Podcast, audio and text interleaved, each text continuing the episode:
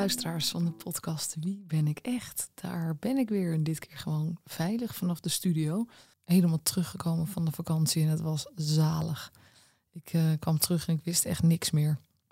Ik had allemaal briefjes voor mezelf achtergelaten wat ik zou, nog zou moeten doen en veranderen aan een montage van een film. En ik snapte mezelf niet meer. Dus dat, dat, wilde zeggen dat ik mezelf echt helemaal had uitgezet. Dus dat is wel heel positief. Maar om maar meteen met de deur in huis te vallen. Ik heb echt, als je social media hebt gevolgd, um, ontzettend leuk nieuws. Want mijn dichtbundel is officieel uit. En je kan hem kopen met een heuse link. Gewoon, en dan komt hij bij je thuis en dan kan je hem lezen. Daar ben ik natuurlijk heel trots op. Ik zet een link in de shownotities. Dus als je benieuwd bent naar mijn dichtbundel, mijn allereerste, een onsje lief dan is dat natuurlijk hartstikke leuk als je hem wil kopen. En dat hij zo op je nachtkastje zo een beetje ligt. Dat ik zo een beetje bij je ben. Dat is toch wel heel gaaf. Ik heb ook een audioboek gemaakt. En daar ben ik ook heel trots op. En dat heb ik in samenwerking gedaan met deze pop-up podcast.studio, waar ik ook alle podcasts opneem. Samen met Joey, een van de eigenaren, die uh, heeft mij in een hokje gestopt. En heb ik gewoon mijn hele dichtbundel voorgelezen. Dus ik laat je een klein stukje horen van een audioboek. Want die, dat is ook leuk. Zet ik ook in de shownotities dat als je een audioboek wil uh, aanschaffen, kan je gewoon uh, op je oren in de trein af en toe een gedichtje luisteren. En dat heb ik ook in samenwerking met een pianist uh, gedaan.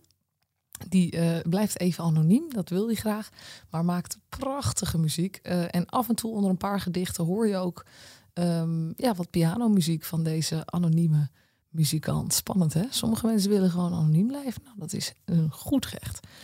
Um, hier komt een stukje van mijn audioboek.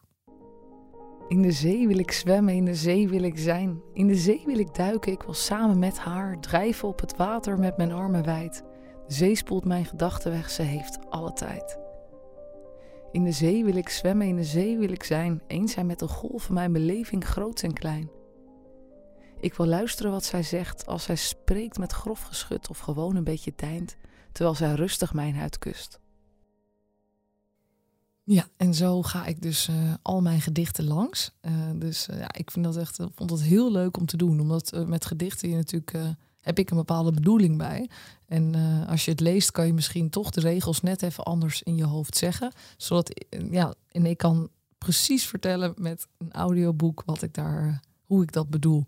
Kortom, er is een audioboek, dat is superleuk. En er is een gewoon boek die je gewoon met een harde kaft kan bestellen. En nou ja, hartstikke leuk als je dat zou willen doen natuurlijk.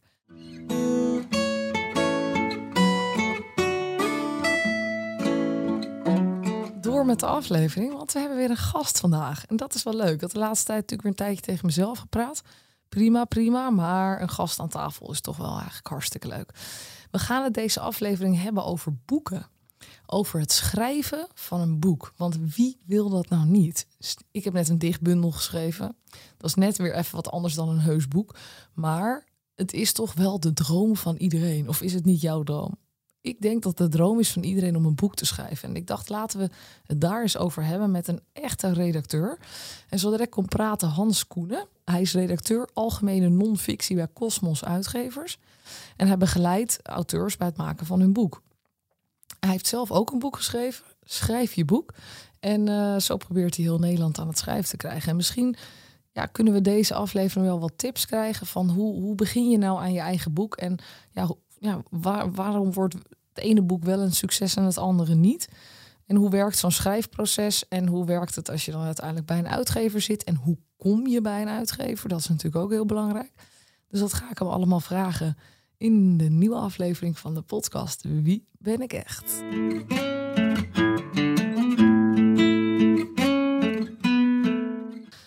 Hans, welkom in de podcast Wie ben ik echt? Dankjewel. Ik denk dat veel mensen met jou wel een kopje koffie zouden willen drinken, omdat ze ook zo graag een boek willen schrijven.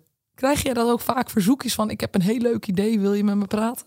Ja, eerlijk gezegd wel, maar heel vaak uh, manuscripten. Ah, dus echt een volwaardig manuscript in de mail. En ja, beste Hans of uh, ja, beste Cosmos, uh, kijk hiernaar. Dit is mijn manuscript. wat vinden jullie ervan? En ik hoor het graag. Ja, dat gebeurt heel veel. En voor de mensen, want ik vind het ook moeilijk. Wat is nou precies een manuscript? Dat is eigenlijk het volwaardige boek, maar dan nog in, in tekstvorm. Dus zonder illustraties, zonder foto's, mocht dat bij dat boek uh, het geval zijn. Maar echt het werk van de auteur, van de schrijver. Helemaal uitgewerkt uh, van A tot Z. Want je kan ook kiezen om te zeggen: ik heb een idee en ik ga het helemaal vanaf begin af aan met een uitgever doen. Of je hebt het dus al af en je doet dus de puntjes op de i en de d's en de t's met de uitgever. Precies, het schiet me ook net te binnen. Het liefst uh, ontvang ik dat soort mails ook niet, eerlijk gezegd. Nee? nee, omdat het best wel moeilijk is als een uh, auteur al zo'n volwaardig boek in zijn of haar hoofd heeft. Is het natuurlijk ook wel moeilijk om nog op die trein uh, überhaupt in te springen.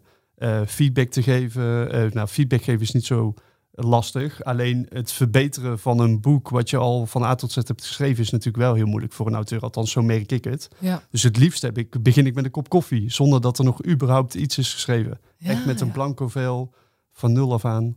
Dus dat is eigenlijk meteen een tip voor de luisteraar. Stop met schrijven. Ga eerst een uitgever bellen en dan uh, aan de slag. eigenlijk wel. Ja. En hoe ben jij in dit vak terechtgekomen? Oh, dat is uh, een leuke vraag. Lang verhaal. Um, Even kijken, waar zal ik beginnen? Ja.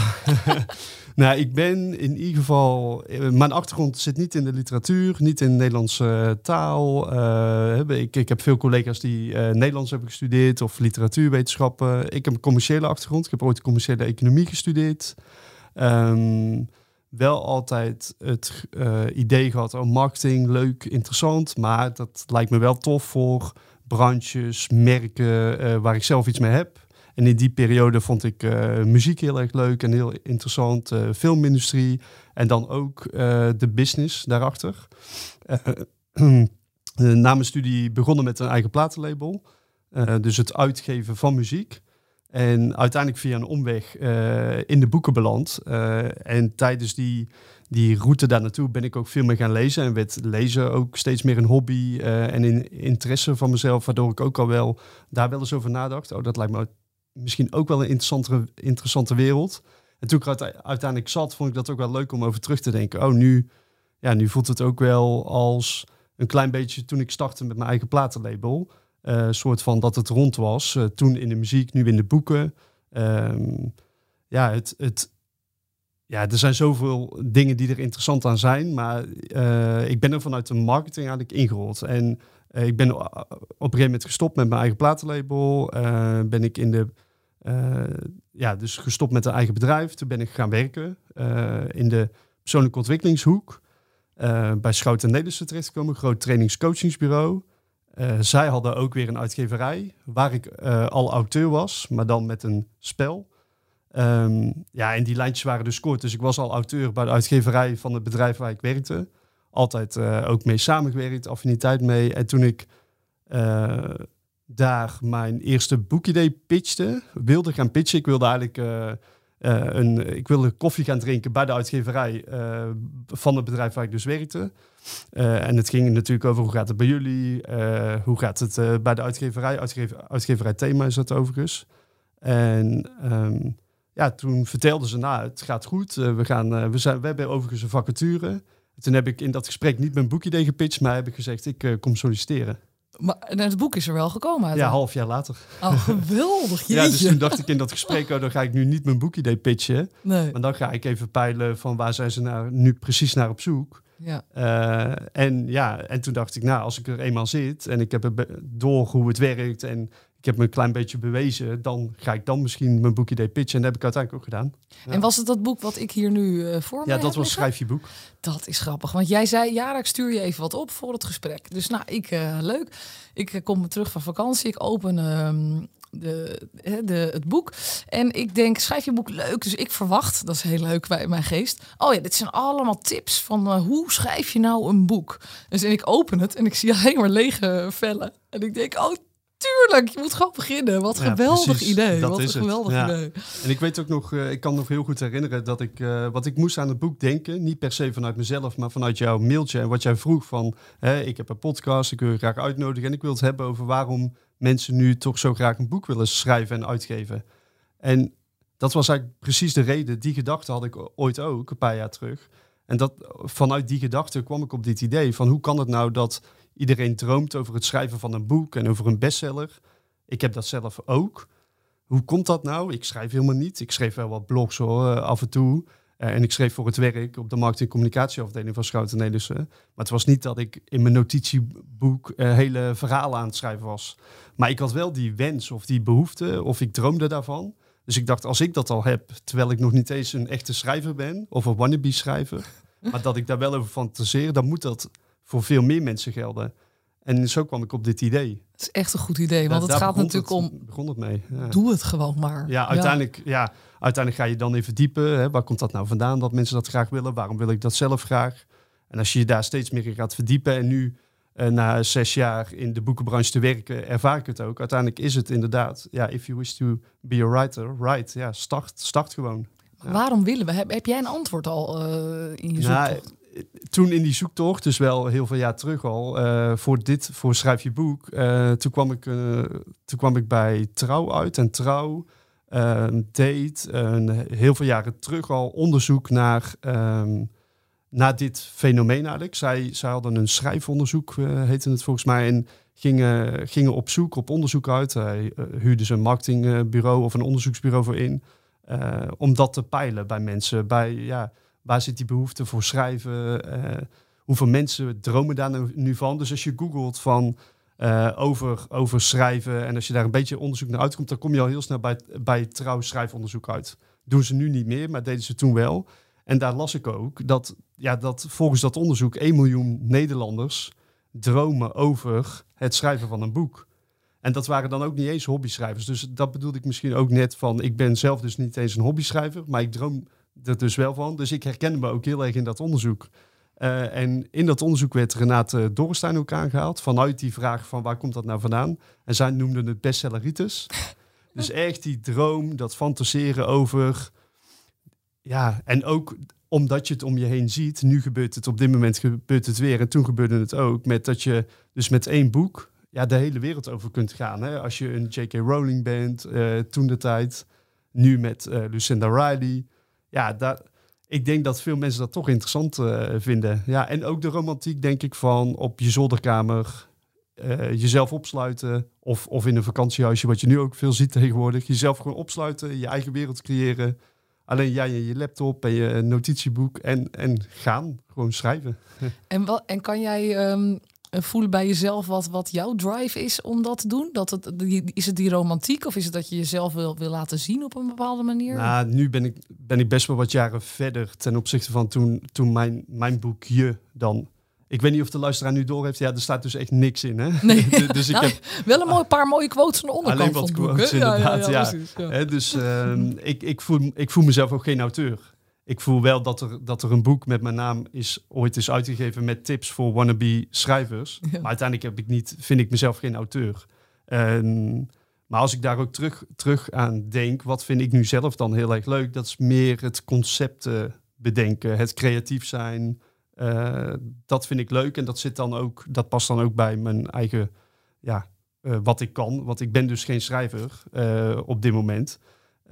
Maar ik kan, ja, ik heb dus wel zo'n soort concept bedacht. Ja. Dus ik zie het meer aan, ja, meer dat ik dan meer het bedenken van zo'n creatief idee, dat is me dan een keer gelukt. Of twee keer dan, want bij de andere uitgeverij is ook eerder een kaart, kaartenset, een soort spel uitgegeven. Dus het bedenken van zo'n idee en dan proberen te realiseren. Maar het is niet dat ik van, uh, van echt nul af aan een hele roman heb geschreven of zo. Dat heb ik dus niet gedaan. Nee, maar jij begeleidt dus wel mensen. Je deed eerder in de muziek en je doet het dan nu uh, met schrijvers. Uh, je bent eigenlijk de man achter het succes dan. Want je helpt mensen die succesvol worden met een boek. Dus zit er dan niet ook zoiets in van, oh ja, maar dat wil ik dan ook of zo? Of, ja, ja, ja de, inderdaad goed dat je dat vraagt. Bij mij is het vooral wat ik nu heel erg leuk van mijn huidige werk vind, is dat ik ja, met hele interessante mensen uh, mag kennismaken, uiteindelijk mee mag samenwerken. Dat ik uh, leer van hen wat zij doen, uh, waar ze goed in zijn, um, hoe, ze, hoe ze daarnaar kijken, hoe ze naar de wereld kijken. En ik kom in allerlei verschillende werelden. Want het is niet dat ik in één wereld zit. Ik werk niet aan kookboeken bijvoorbeeld. Uh, maar ik werk aan biografieën en ook aan reisboeken en zelfontwikkeling, persoonlijke ontwikkelingstitels. Zelfs ook nog wat uitstapjes uh, in trends of actualiteit. Eigenlijk van, van autobiografieën naar ook een boek over beleggen. Of een boek over tiny houses bijvoorbeeld. Maar wat ik dan, als ik daar nu over reflecteer, dan vind ik het heel erg leuk. Dus dat ik allerlei verschillende super interessante mensen mag ontmoeten. En in een kijkje krijg in hun wereld. Ja. Dat vind ik heel erg leuk. Dat is gewoon echt een voorrecht. Ja, dat snap ik, ja. En kan maar dat staat dus eigenlijk los van die eigen behoefte om ook creatief bezig te zijn. Dat is voor mij, ja, dat, zal, dat zit natuurlijk in je. Maar dat staat eigenlijk los van mijn werk misschien. Voor me, ja, dat je, som, je voel, ik voel dus ook een soort drive om ook dingen voor mezelf te doen. Maar ik vind het net zo leuk om anderen, anderen daarin te helpen. Ja, te dat snap ik. Ja. ja, omdat je, ja, inderdaad dat inkijkje in, in al die gekke werelden van alle mensen natuurlijk. Kan je ons meenemen met, uh, naar een auteur die jij uh, recentelijk misschien heb, uh, ja, inspiratie uit hebt gehaald? nou, heel concreet zelfs is Janneke Wilmsen. Janneke Wilmsen is een auteur, is een, is een financieel journaliste. Ehm, heeft uh, de website Blondjes Beleggen Beter. Ja, zeg maar wat. Ja. Eh, waarin zij uh, sinds 2013 uitlegt hoe zij is gaan beleggen. En hoe succesvol ze daarin is. En waarom ze dan succesvol is daarin. Welke stappen ze daarvoor heeft doornomen, doorlopen. En zij vertelt dus van uh, ja, ik liep al vanaf 2000 volgens mij uit mijn hoofd, liep ik al rond in die financiële wereld als journalist en ooit wel wat geprobeerd. Maar na zoveel jaar dacht ik toch, ik ga toch eens serieus aan uh, beleggen beginnen uh, en mijn aandelenportfolio opbouwen. Um, en ik kwam haar tegen via een manager van een andere auteur met wie ik heb mogen samenwerken. En zo, zo kwam het dan voor het eerst in mijn gezichtsveld. Nou, ik dacht meteen blondjes beleggen, dat is interessant. Um, maar wat dan ja, er, zitten heel veel leuke aspecten in dit project voor mijzelf hoor. Ook uh, niet alleen voor Cosmos, maar ook voor mezelf. Maar heel concreet is het dus dat je kennis maakt met aandelen, met de beleggingswereld, met beurzen, waar ik niet zo heel veel van af wist. Um, en ondertussen beleg ik zelf ook. Ja, ja dat, uh, je bent wel niet blond, maar je kan wel beleggen. Ja, ja. ja, nog, ik voel nog niet alsof ik het al kan, maar ik ben wel aan het proberen. Sinds maart ben ik aan het beleggen. Het boek kwam in uh, januari uit dit jaar. En in maart uh, ben ik ook daadwerkelijk begonnen. Ik heb ook wel een training nog bij haar gevolgd. Dus eerst het boek begeleid. Daarna het boek nog eens beter bestudeerd dan alleen wat ik vanuit mijn werk had gedaan. Nog een training bij haar gevolgd en vervolgens nu zelf aan het beleggen. Ja, dat vind ik wel heel erg leuk met alleen een inkijkje krijgen dan in een wereld. In, in verschillende werelden zelfs nu een inkijkje krijgen en dan er ook echt zelf nog iets mee doen. Dat vind ik nog wel ja, dat nog een stap verder, maar echt extra leuk ook daaraan. En dan kan je je boek ook echt uitdragen, want jij hebt ook zelf die cursus gevolgd. Je bent ook echt het bewijs van, ik, ik ben er echt door geïnspireerd. Ik heb het ja. Maar het is wel vanaf maakt hoor, dus vraag me nog niet te veel om tips. Nee, precies. nog heel weinig rendement uh, gemaakt. ja, maar dat beleggen is lange termijn. Hè? Precies, dat is, de, dat is key. Ja, Weet ik nu dan. Ja, precies. Ja. Um, en um, nou, ik denk wat ook mensen wel natuurlijk graag willen weten, wat maakt een boek goed? Oeh, dat is, dat is een lastige vraag. Want dat, dat vraag ik mezelf soms ook af. Hè. Dus als, stel, ik krijg zo'n mailtje met... Uh, nou, beste Hans, eh, ik heb een manuscript uh, gemaakt. Uh, wil je daar eens naar kijken? En dan soms voel ik me ook wel, voel ik ook wel aan van... wie ben ik om dit kwalitatief dan te beoordelen? Want het is toch iemand anders zijn of haar verhaal. Ja. Dus de kwaliteit van... Want ik, ik werk alleen voor non-fictieboeken. Dus ik beoordeel geen literatuur, geen romans, geen thrillers.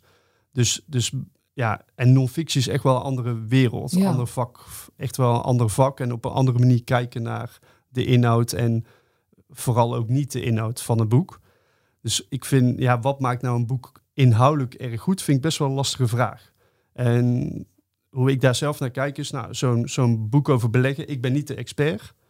Dus uh, de kwaliteit zit bij de auteur zelf, want dat is de expert en die heeft daar... Uh, die heeft dat bestudeerd of heeft het zelfs gestudeerd. Uh, het onderwerp waarover het gaat. Of is ervaringsdeskundige. Met dat soort mensen werk ik eigenlijk. Ik werk heel veel met experts. Dus de kwaliteit uh, van, van de inhoud, die komt eigenlijk van de auteur. En wij kijken vooral naar de kwaliteit van schrijven. Van hoe, hoe maak je hier echt een volwaardig boek van qua structuur. Eigenlijk alles uh, zeg maar, je, je hebt eigenlijk twee dingen. Je hebt de, de verpakking en je hebt de inhoud van het boek. En als je alleen even naar de inhoud van het boek kijkt, dan, dan fine-tunen wij vooral op taal en op neem je de lezer voldoende goed mee. Ook heel erg begrijpend lezen, uh, de auteur begeleiden. Oké, als je dit zegt uh, hier, ja, ben je dan nog wel consistent met iets wat je, ander, wat je eerder hebt gezegd. Allemaal dat soort, dat soort ja, ja. beslissingen, keuzes, feedback, gesprekken voeren we dan. Geestig, ja, nee, ik snap het. Ja, ja. Dus de, de, de, maar ja, met een biografie hè, bijvoorbeeld, ja, dan is het niet zozeer de, ja, dan zijn mensen expert over hun eigen leven, niet zozeer over iets wat ze doen of uh, hè, zoals beleggen. En hoe, hoe kijk je dan mee? Want dat is dan kan je, ja, het is toch heel moeilijk om iemand zijn hele diepe gedachten om daar iets van te maken of zo, of iets te veranderen. Ja, gelukkig hebben we dan, als, als het uh, iemand is die het niet zelf schrijft, hè, bijvoorbeeld, dat gebeurt ook, ja. dan hebben we een ghostwriter. Ja. ja. En die weet nog veel beter hoe je een hele goede biografie schrijft dan ik. Dus dan leg ik ook heel veel, heel veel vertrouwen bij de ghostwriter uh, weg. En uh, uiteindelijk begint, begint het schrijven van een biografie, als je het dan met de ghostwriter uh, doet, eigenlijk is dat een beetje op deze manier. Dus echt in gesprek gaan. Ja. En heel goed doorvragen. ik zit wel altijd bij de kennismaking, zo goed als zit ik bij de kennismaking erbij. Um, en waar we dan op letten is, is die ghostwriter nieuwsgierig genoeg? Hè? Wil, stelt diegene de juiste vragen? Graaft hij of zij voldoende diep? Klikt het tussen hun Klikt het vooral, want dan heb je een kennismaking en vervolgens moet je nog tien, misschien nog wel meer dan tien gesprekken à twee uur, uh, die gaan er dan nog aankomen. Dus het moet vooral heel erg klikken. Um, ja, dus dan leg ik ook heel veel vertrouwen bij de ghostwriter. En als de ghostwriter dan met e eerste teksten komt, dan gaan we daar weer uh, naar kijken vanuit wat ik net ook vertelde over zo'n beleggingsboek. Of ja. Uh, ja. wat we ook bij andere boeken doen. Ja, want er zijn. Word je dus... gegrepen? Precies. Word je meegenomen? Wil je doorlezen? Ja. ja.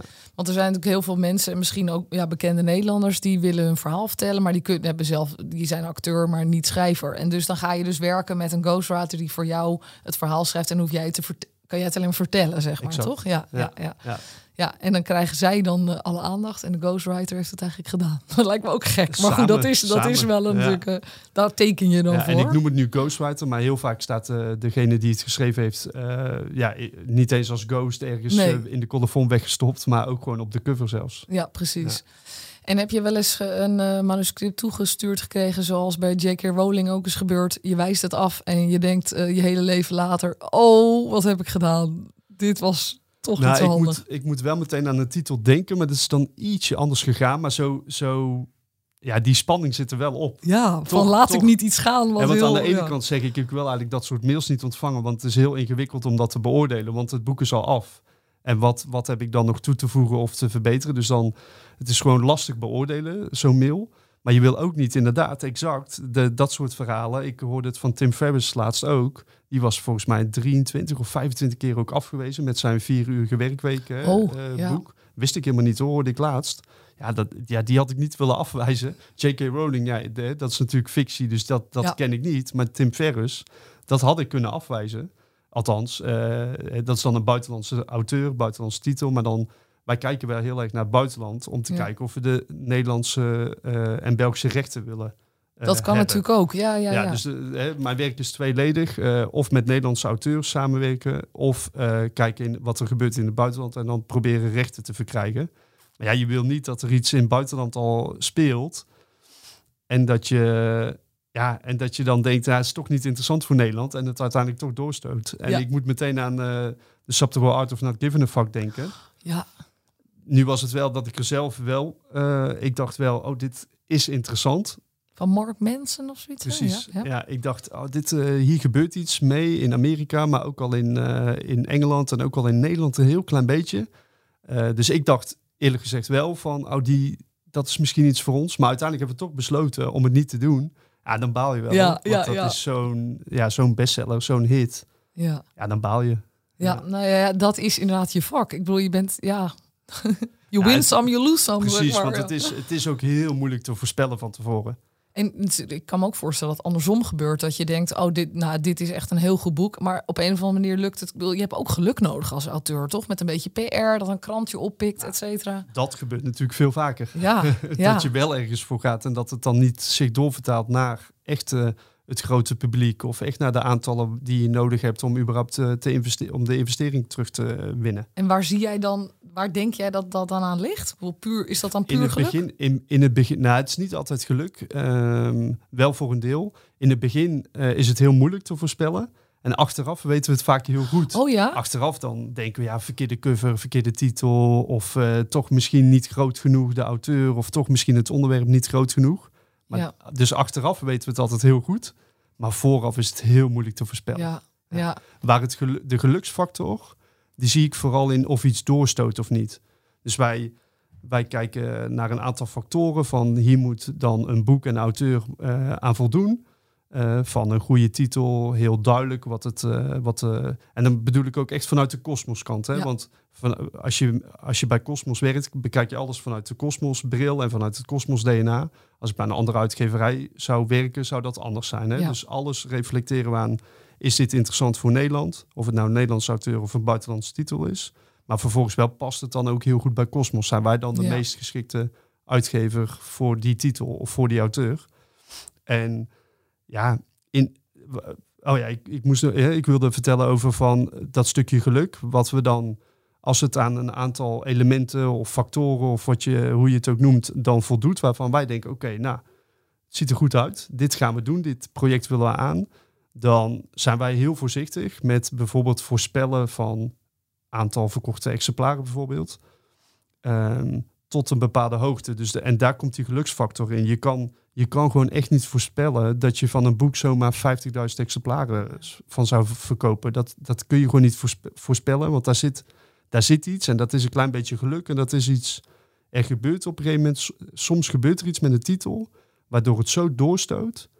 En dat is heel moeilijk om daar de vinger op te leggen. Is het niet ook dat... tijd dat er soms iets in het nieuws komt of dat er een thema in één keer oppopt wat toevallig jouw boek raakt en dat daar dat, dat geluk dan zit? Misschien, ja. misschien. Maar soms is het ook gewoon ik weet maar even gewoon... geen voorbeeld vanuit waar, waar ik dan bij betrokken ben. Nou, misschien bij, bij dat beleggingsboek, daar hebben we zelfs de bestsellerlijst mee gehaald. Oh.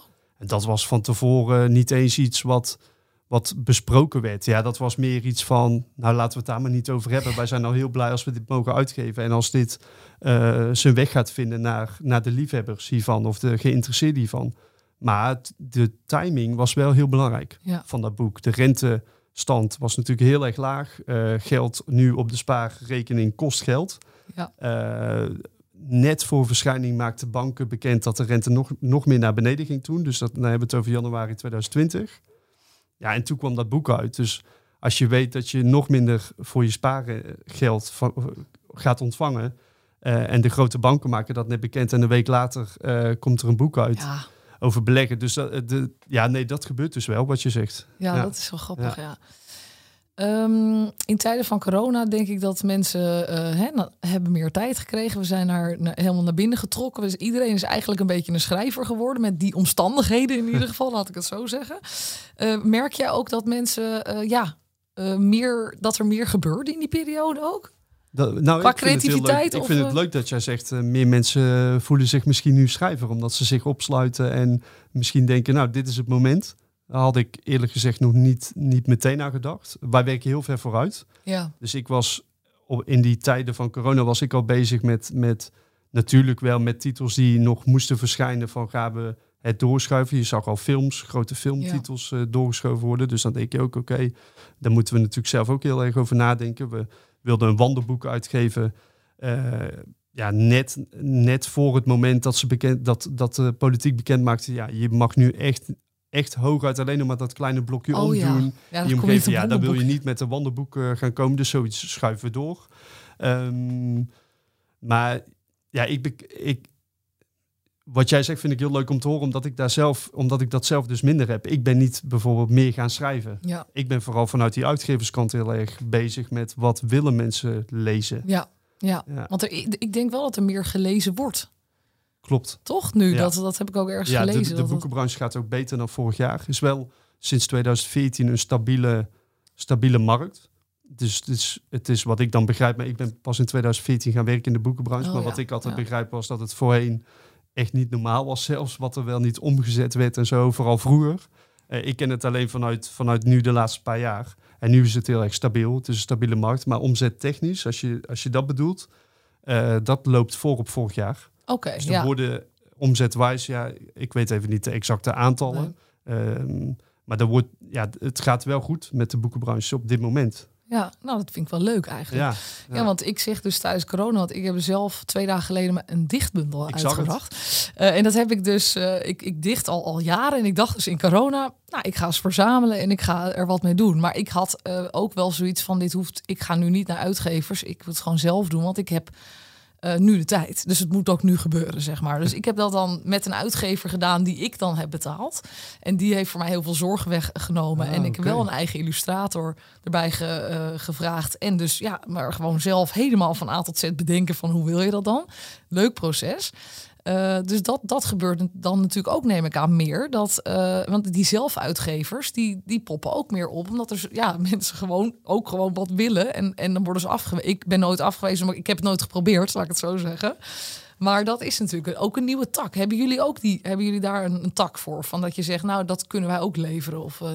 Nou, ik vind het sowieso wel heel leuk om te horen. Dat, want dat had ik nog niet gezien. Ik had wel gezien dat je met je boek was, uh, dat je boek was uitgekomen. Ik had helemaal niet gezien uh, hoe je dat had gerealiseerd. Dus wel goede energie om dan te zeggen, nou, ik doe nu, het dit is de tijd. ja. uh, ik ga het sowieso afmaken en ja. realiseren. En ik geef het met de hulp van iemand gewoon zelf uit. Ja, ja. ja heel tof.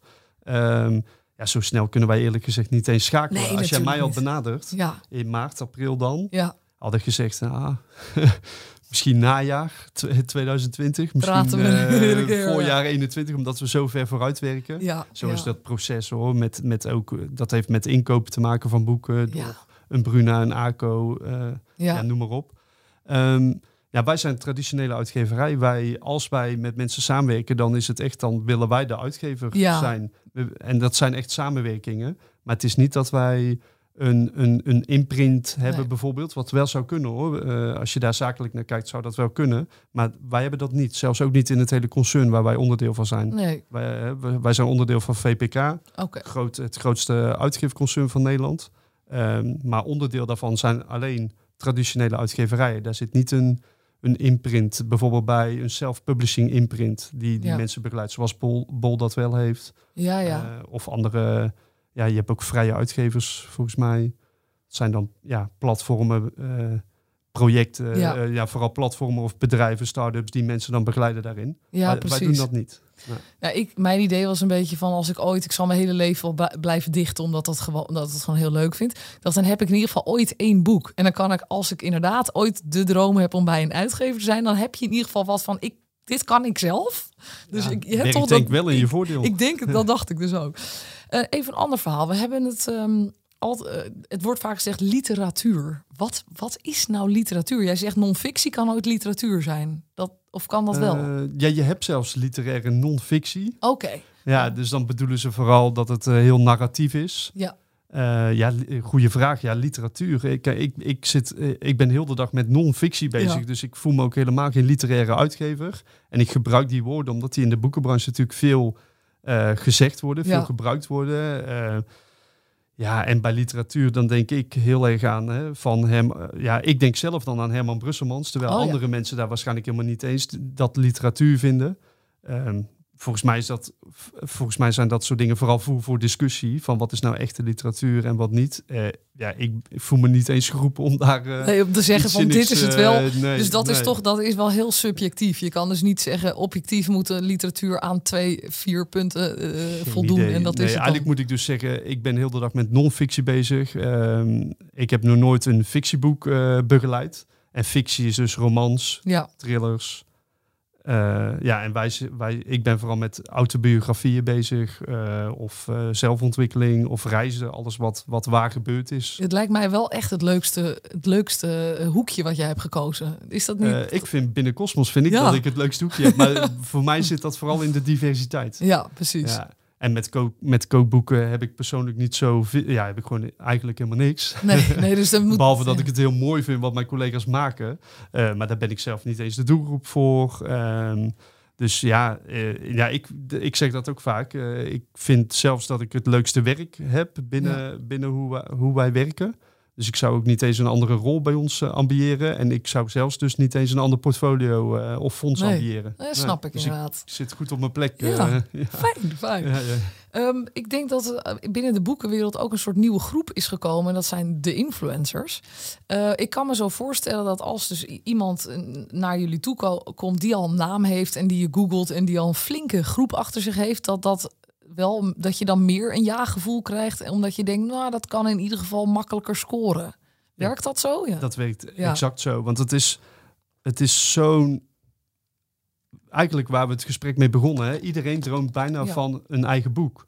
Uh, en gelukkig zijn er ook mensen die zo stoer zijn om het dan ook daadwerkelijk te gaan doen. Uh, maar dat betekent dus dat je heel veel concurrentie hebt. Er komen zoveel boeken jaarlijks uit. Echt, echt veel. Dat gaat over niet over, over duizend titels. Hè. Dat gaat misschien wel over 5000 boeken die nieuw verschijnen in een jaar. Ja. Ik denk tussen de vier en de vijf. Wow. Nou, dat is je concurrentie. En als je dan, ja, hoe ga je dan in hemelsnaam daar uh, voor je eigen aandacht uh, genereren? Hè? Voor jezelf met de hulp van een uitgeverij. Dus hoe meer uh, following dan, om even in de termen ja. vanuit de influencerskant te praten, hoe meer following je hebt, hoe makkelijker het wel is om een begin te genereren, hè? die beginaandacht ja. voor jouw titel. En met de following kun je ook al heel erg naar je uh, verschijning toe gaan werken. Hè? Ja. Dus een boek verschijnt uh, bijvoorbeeld aanstaande september. Maar iemand met following die kan in uh, augustus of in juli al mensen motiveren om dat boek ook te gaan pre-orderen, om alvast te gaan reserveren. Ja, als ik nu met een boek kom, sta ik gewoon met, uh, met 1-0 achter. Uh, als ik met een boekidee nu bij, bij een uitgever als Cosmos aankom, ja. sta ik gewoon met 1-0 achter. Ik heb uh, 200 volgers ergens online en that's it. Ja. ja. Ja, dat kun je maar niet. ergens vind ik dat ook een beetje. Ik, ik heb hetzelfde, want ik doe mijn boek en heel, mijn vrienden kopen het boek hartstikke leuk en misschien er buiten staan, maar daar zal het mee ophouden. Maar dat vind ik dat is oké. Okay. Het is ook niet het doel. Maar dan denk ik, ja, echt goede schrijvers zijn niet altijd mensen die online heel zichtbaar zijn natuurlijk. Dat hoeft niet hand in hand te gaan. Dan denk ik, wat, wat sneu eigenlijk voor de mensen die misschien heel veel talent hebben, maar die, die online gewoon dat lastig vinden of daar of introvert zijn, maar wel heel veel te vertellen. Ja, het lijkt me ook wel interessant hoe dat in, die, in de fictiekant gaat. Dus met, met mensen die dus fictie schrijven en een, een romanidee hebben en daar ook aan gaan werken en uiteindelijk een roman hebben geschreven, ben ik ook wel heel erg benieuwd hoe het aan die kant van het spectrum in de boekenbranche gaat. Hoe dat, ja, hoe, hoe dat nou werkt. Ja, ik kan alleen over non-fictie ja. praten en dan ja, daar is de concurrentie ook moordend. En, en alles wat je maar kunt bedenken om op te vallen en om het goed neer te zetten, is, mooi, ja, is, is wel heel fijn. Is gewoon ja. essentieel zelfs. En hoeveel boeken moet je nou verkopen dat je kan zeggen, ik, je bent een redelijke auteur. Het is gewoon goed. We zijn tevreden. Als nou, wanneer ben jij tevreden met jouw dichtbundel? Of, of vind je dat... Uh... Nou, ik, ik zou zeggen, nou, het schijnbaar met dichtbundels, als je er 500 verkoopt, dan is dat al knap. Dat geloof ik meteen. Nou, dus dan wil ik 500 kunnen verkopen. nou, ik weet niet hoe, maar dat zou, eh, dan ben ik tevreden, ja. denk ik, ja. Nou, ik kijk vooral naar hoe wij er dan vanuit Cosmos naar kijken. Ja. Wij doen die voorfinanciering, dus wij ja. lopen het volledige risico, doen de investering. Ja, kijk, uiteindelijk kun je die investering uh, niet doen als je onder de 3000 gaat, onder nee. de 3500. Het soort boeken ook wat wij maken, heel vaak, wij, wij werken heel erg met full color vaak. Ja. Uh, uh, gebonden in plaats van uh, paperback. dus dat zijn ook de dure uitgaves. Ja. ja, dan, dan moet je minimaal 3500 exemplaren verkopen. Ja. Maar wat ik wel vervolgens vaak zeg tegen auteurs, waarvan ik het ook moeilijk vind om te voorspellen wat iets gaat doen aan het begin. Ehm, als wij op 3500 gaan inzetten, als dat de minimale ambitie wordt, en alles wat daarboven komt is, is prachtig. Maar als we dat maar halen en we halen dat vervolgens, dan is het wel een geslaagd project. Ja, precies. Ja. ja. En dat, is soms een, dat zijn soms lastige gesprekken als een auteur die bestselleritis heeft en denkt aan 100.000. uh, maar vanuit ons is het dan echt een, kan het echt een geslaagd uh, project zijn. Als je dan de, de aantallen haalt, nou dat kan niet. Dat is gewoon als je de aantallen haalt waarvan je van tevoren op hebt uh, gerekend en gehoopt of ingezet. Ja en je haalt dat, dan is het een geslaagd project. En hoe werkt... Ja. ja, ik heb nog wel een voorbeeld. Ja. Hoor, want dat zag ik ook toen ik bij Cosmos kwam. Dan zag ik een titel waar dan bijvoorbeeld 10.000 exemplaren van waren verkocht. En ik kwam uit die hoek, hè? dus uit schrijf je, schrijf je boekwereld, waar je al blij was dat er duizend van verkocht ja. waren. Dat, dat is het dan geworden, waar ik zelf al heel erg... Vind ik uh, ook veel, ja. ja Zet ze maar in de zaal allemaal, toch? Dan, dan moet je er altijd Nou, dan word ik heel zenuwachtig ja, als ja, ik die zou moeten toespreken. Maar je, maar je, dan kom ik in die wereld van Cosmos en dan zie ik een titel van 10.000. En dan denk ik, oh, dit is wel een andere wereld. Uh, andere, ja, interessant. Uh, hoe zit dat dan? En oh, dat was een uh, bestseller, geslaagde titel. Ja. Maar toen, toen leerde ik ook dat als... Je kan dan wel 10.000 boeken verkopen, maar als er begroot werd op misschien wel 40.000 dan is het dus geen geslaagd project. Dus het begint toch met, wat, met die verwachtingen aan het begin en daarop aan het inzetten. Ja. En wij proberen dan ook de auteur daarin mee te nemen. Dus ik beloof eigenlijk ook nooit gouden bergen. Nee. Dus ik probeer altijd die bestselleritis een beetje... eh, ja, weet je nou te ja, ja, Maar je vraagt natuurlijk ook van de auteur... ja, het ligt er natuurlijk ook aan wat je zelf doet. Ik bedoel, dat is natuurlijk heel belangrijk. Als jij geen zin hebt in PR en je denkt... één interview is wel genoeg... ja, dat, dat is natuurlijk ook niet de bedoeling dan. Precies, dus daar zetten wij ook heel erg op in. En uh, ik zit vooral in het motiveren en enthousiasmeren om met een boek te komen. Uh, ja, bijvoorbeeld de marketingcollega probeert iemand weer te enthousiasmeren in onze ideeën en de ideeën die iemand zelf heeft en daar een heel goed plan uh, van te maken. Ja. ja. Maar ook in, mijn, in, in kennismaking gaat het ook al heel vaak over marketing en die ideeën en wat iemand uh, graag wil. Maar dan is het vaak nog wat iemand sowieso heel graag wil doen. Ja, precies. En gelukkig ja. werken we eigenlijk alleen maar met mensen die ook heel erg veel juist willen doen zelf. Ja, want het is je eigen boek, zo En goede ideeën voor hebben. Ja. ja. En benader jij ook wel eens zelf mensen? Dus andersom? Continu. Ja? Vanuit, vanuit ook de, het idee van voorheen kreeg je al die manuscripten op je ja. af. En ontploft je inbox met al die manuscripten en mensen die het heel graag willen. En ja, eigenlijk, hè, wat ik eigenlijk al een beetje zei, van het is misschien, het is ook heel moeilijk te beoordelen. Uh, ja, draaien we dat om van, van wie zou ik nu heel graag een manuscript willen ontvangen? Ja. En wat zou ik van of wat, wat voor soort manuscript zou ik nu zo meteen na ons gesprek in mijn inbox willen hebben? En vanuit die gedachte, dat, dat, zo draai je hem om. En dat betekent dus dat, dat ik eigenlijk continu mensen benader. En zoals bijvoorbeeld, hoe werkt dat dan? Je, ziet, je ziet iemand uh, online uh, iets doen of zo. En dan kan je een voorbeeld noemen. Is dat met dat beleggerboek uh, gegaan? Ja, dat kwam ik dus online tegen bij ja. de manager van, van een auteur met wie ik al samenwerk. Uh, en met die manager heel goed contact. En zij deelde dat zij uh, uh, in, in, in een training blondjes beleggen beter zat. ja, ja, ja. en zij begeleidde haar ook, begeleidt haar ook. En ja, dan is het, oh, wat is dit precies? Maar dat is een beetje, dat is ook wel geluk vanuit ja. mijn kant en toeval. Dat is dan meer vanuit je, dat het komt vanuit je netwerk. Maar heel veel komt ook vanuit nul. Um, nou, wij hebben een boek over tiny houses uitgegeven. Um, ja, er, er, zijn, er zijn uh, bewegingen, uh, uh, trends, actualiteit wat naar boven komt. Hè? Als je de krant. Eigenlijk kun je het zo zien dat ik continu zit ik op Instagram en lees ik de krant en lees ik allerlei websites, blogs. ik kijk wat er in het buitenland speelt. En dan komt er zoiets op als tiny houses. Dus zo'n movement ja. uit Amerika komt dan overwaaien. Je ziet dat steeds meer mensen daarover gaan bloggen en schrijven. Je ziet bladen, magazines er aandacht aan besteden. En vervolgens denk je, daar moeten we iets mee. Um, nou, kwam op onze wensenlijst.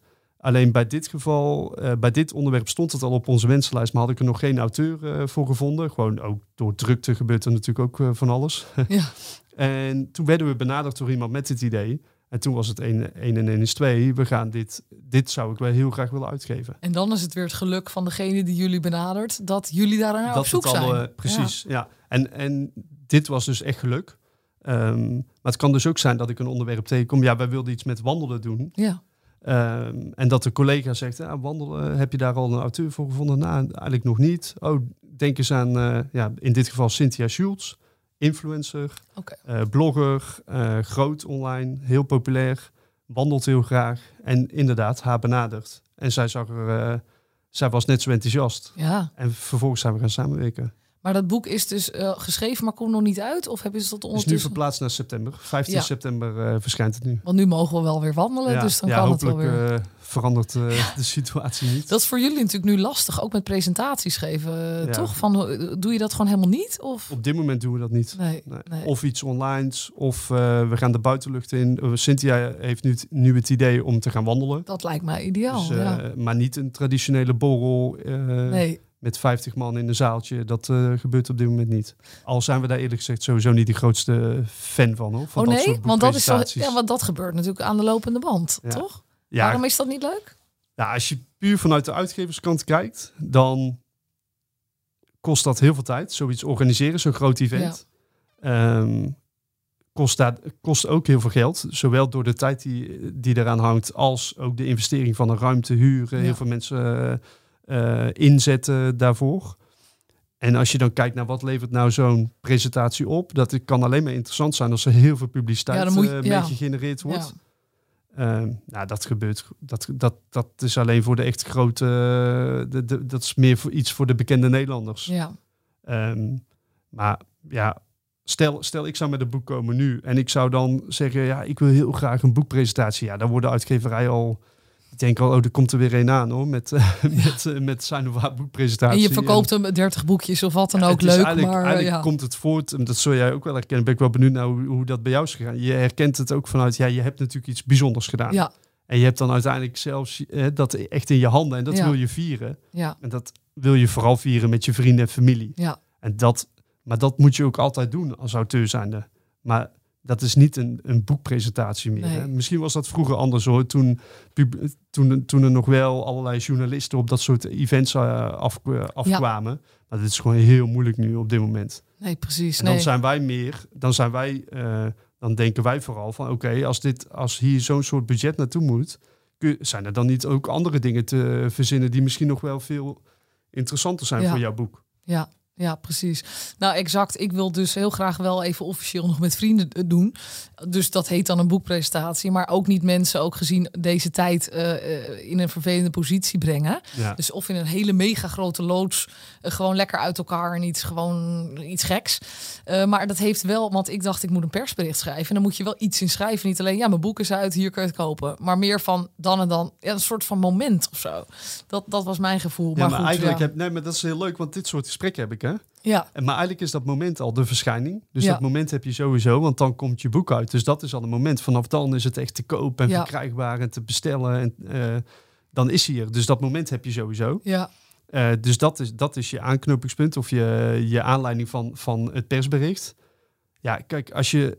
En uiteindelijk kun je natuurlijk in dat persbericht alle kanten op. En als je een event meeneemt, dan verwacht je eigenlijk dat degene die naar wie je zo'n persbericht stuurt, dat zou gaan komen. ja. Maar waarom, Maar ja, dat waarom zouden ze niet. daar naar komen? Ja, maar dat Ja. is voor mij niet leuk en voor diegene al helemaal niet. Nee, nee, maar dat is inderdaad, je hebt gelijk. Dus het is, dat is puur voor jezelf om het boek Precies. inderdaad En leven dat te moet je ook geven en doen, klaar. Ja. Maar dat moet je ook voor jezelf Ja, doen. En voor, voor de mensen die je geholpen hebben, die, Ja. je dichtbij, die dichtbij je sta- staan. Exact. Ja, en nu ook rekening houden met de huidige tijd, wa- wat, Ja. alleen, wat het alleen maar moeilijker maakt. Daarom. En daar, helpt het om het niet te doen. nee, ik dus snap wij het hoor. gebruiken het nu soms ook wel van, ja, we zouden het nu Zo'n goed al helemaal ook. afraden. Ja, ja, precies. Ja, precies. En welk boek ligt er op jouw nachtkastje op dit moment?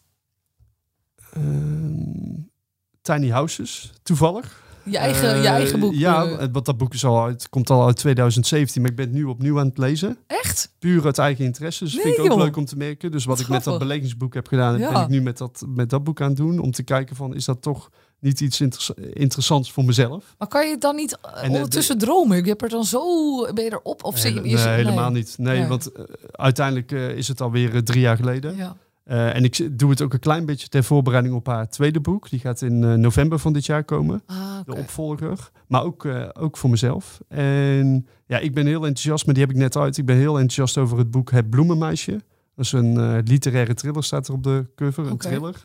Ja, heel interessant. Echt, eh, ja, ik begon en eh, kon niet meer ophouden. Oké, oké. Maar ik lees heel divers hoor. Ja. Ik, eh, ik lees ook veel non-fictie. Alleen nu door mijn werk bij Cosmos ietsje minder. Ter, dus nu ga ik toch soms die, die roman of die literaire of thrillerkant op. Om even iets anders ook te... Ja, Ja. dat kan ik me voorstellen. Op een gegeven moment ken je... Ja, dan heb je zoveel biografieën en non-fictie. Dat, dan Ja, wil je wel even iets anders lezen. Precies. ja.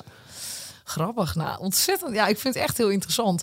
Ehm, ik kan me herinneren dat ehm Eus Okjol, zeg ik het goed, zijn naam. eh, die had nogal een, een sneer naar de boekenwereld. Maar dat had met name dus te maken... eh, die had een, een column geschreven over de, dat de literaire wereld een beetje een poppenkast was. En dat, eh, dat bijvoorbeeld zo'n Lucinda Riley eigenlijk niet serieus wordt genomen door boekwinkels. Terwijl zij de, de, de hoogscorende ehm, eh, schrijver is al aller tijden, zou ik zo kunnen zeggen, op J.K. Rowling na. Ehm, maar jij zit dus, jij zei al van, ik zit zelf niet in, die, in de, in de lit- literaire hoek. Maar snap jij wat hij dan zo heeft gezegd in die Ja, eh, ik tijd? word dan meteen enthousiast eh, over, dit, over, over deze vraag. Want hij, ik wist dat er die essay zou komen. Het was een essay, Een had hij ja, geschreven klopt. vanwege naar aanleiding van de boeken, boekenweek. Dus het boekenweek essay. Ja, ik heb, hem, ik heb er ook alles aan gedaan om dat essay zelfs nog te krijgen voordat het uitkwam. En eh, ik heb het ook gelezen onderweg naar het boekenbal. eh, afgelopen jaar. Ja, heerlijk. Heerlijk, zo herkenbaar. Ja. Eh, want wij, wij lopen daar vanuit Cosmos ook wel eens tegenaan dat, dat de traditionele boekhandelaar of, ehm, of misschien wel collega-uitgeverijen toch een soort ja, op, een, op een bepaalde manier naar ons kijken. Terwijl wij denken van, is dat wel helemaal terecht? Eh, en, en moet je niet alleen vanuit jezelf eh, bedenken. Want volgens mij gaf hij dat voorbeeld inderdaad van Lucinda Riley. Ja. En dat de boekhandelaar eigenlijk daar een beetje op neerkeek. toch? Dat, Ja, dat klopt. schreef hij letterlijk, volgens Ja. mij op de eerste pagina al. Ja, heel herkenbaar. Terwijl je kunt er wel op neerkijken, maar uiteindelijk als, als mensen daar enthousiast van zijn en ze willen dat heel graag lezen, waarom, waarom, kun je, waarom moet je daar dan op neerkijken? Want het helpt toch? Je helpt mensen die misschien wat minder vaak lezen, komen in één keer in je boekhandel, zijn helemaal tevreden met dat, eh, met, met dat boek. Eh, je, hebt, je verkoopt een boek. Ja, waar komt dat neerkijken vandaan? Ja, ik snap dat niet helemaal. Uiteindelijk, ja, uiteindelijk wil je toch gewoon blije mensen in je boekhandel. Ja. En dat betekent dat je een zo divers mogelijk aanbod eh, moet hebben. Ja, ik lees literatuur, maar ook met veel plezier de Zeven Zussen. Ik schaam me er niet voor. Ik vind het heerlijke vakantieboeken. Ja, ik vind het geweldig. Maar goed. Ja, ik keek heel erg eh, naar die essay uit en ik ja. heb hem in één eh, adem. Ik had hem uit voordat, voordat ik in Amsterdam was voor, voor, de, voor het boekenbal. Ja, Ja, heerlijk. maar jij zegt dus, ik merk ook als ik met een, een titel aankom, dat we het boekhandels denken, oh, komt hij met een, eh, weer met, eh, weet ik veel, iemand die eh, biografie Ah, kijk, schrijft. de, de, de gemiddelde boekhandelaar eh, is wit, eh, eh, is eh, de 50 al lang gepasseerd. Even Ja. heel erg gechargeerd hoor. Ehm, zit misschien niet eens online. Nee. Ja, nou, ja, want kijk die kijkt de, influencers, kent hij misschien nee, niet. en Denk je, kijk maar naar de bestsellerlijst alleen al. daar staan allemaal mensen die ze van tevoren misschien echt niet, niet kenden. En waarvan ze in het begin misschien dachten, nou, ik weet het niet hoor, ik weet het niet hoor. Nou, ik zeg misschien, dat gebeurt gewoon. Ja, En, en dan, dan is het ook wel heel leuk om, om te laten zien dat, dat we het wel goed hebben gezien. We zien het niet altijd goed, maar als we het dan wel goed gezien hebben... en we krijgen ze toch zover om in te stappen... Ja, Ja. dan- ja super als dat dan eh, lukt. ja Nee, precies. pr- maar precies, ik moest ook gelijk aan, aan jouw vraag over de influencerwereld eh, denken. Ja, die kent eh, de gemiddelde boekhandelaar kent heel die wereld niet. En dan, moet, en dan voelt het al soms vanuit ons gek van, maar dat zo, hè, daar, daar kun je alles van vinden, maar zo, zo werkt het nu eenmaal. Dan moeten wij al, al hens aan dek om uit te leggen wie het is en waarom wij denken dat hij of zij met een boek moet komen. En eh, ja, proberen toch die boekhandelaar eh, ervan te overtuigen. Maar het lijkt wel dus dat de boekhandelaren niet helemaal anno 2020 ja, de nieuwe wereld begrijpen of zo, als je het zo vertelt. Hè? Of nog graag willen vasthouden aan de, ja, het oude literaire imago van eh, heel ingewikkelde... Nou ja, dat, als je Fictie. dat eh, essay van, van Eus leest, dan, dan denk je dat wel meteen. Hè? En ik, ja, ik denk dat eh, soms ook. Ja, Ja. en maar hoe, jij gaat dus naar boekenbal.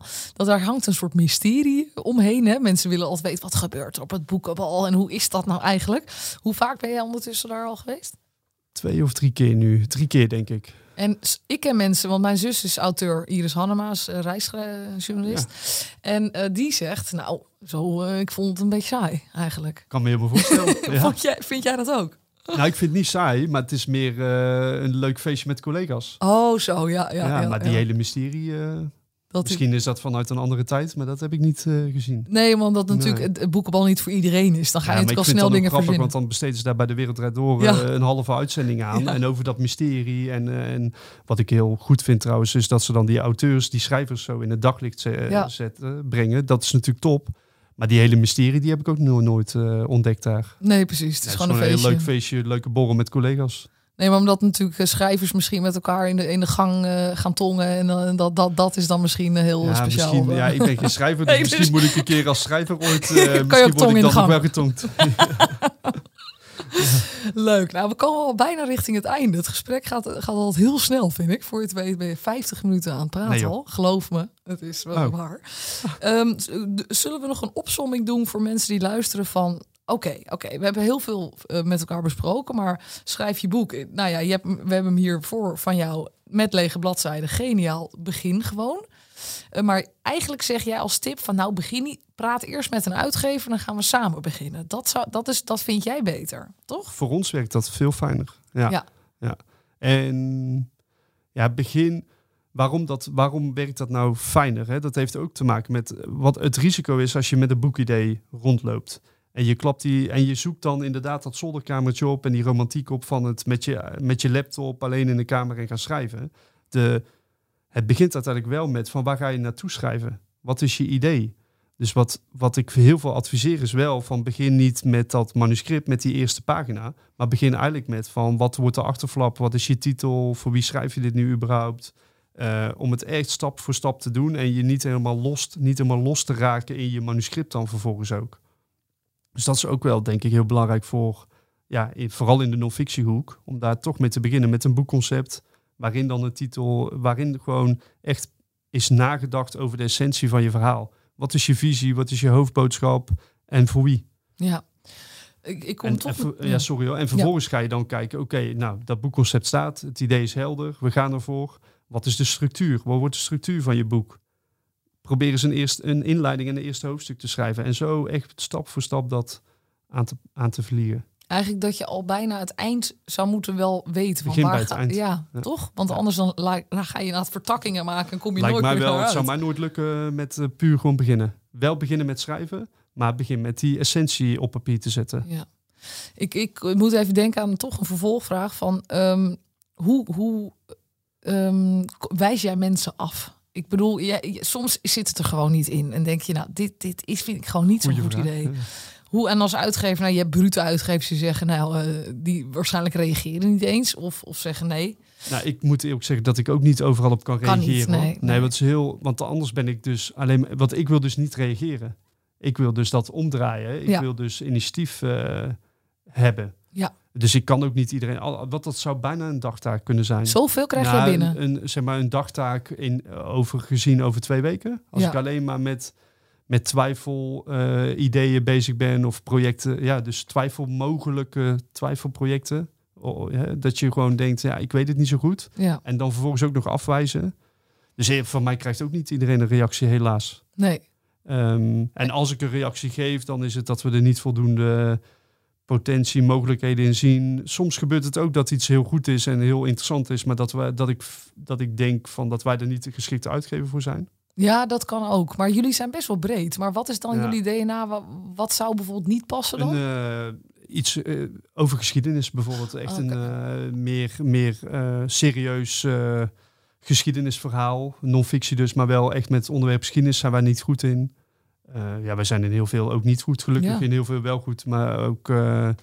ja, ehm, even kijken hoor. Ja, er zijn genoeg voorbeelden hoor. Iets met, eh, met de religieuze, in de Hm. religieuze hoek. En voor ons is dat wel makkelijk ook, want omdat we onderdeel van zo'n concern zijn... Ja, En die verschillende uitgeverijen daar dus onderdeel van zijn ehm, met verschillende DNA's. Kan ik ook heel snel zien van nou, dit past misschien veel beter bij een andere eh, uitgeverij binnen het concern. Ja. Dus dan wijzen we ook nog wel eens door. Ja. Dat doen we ook heel af en toe.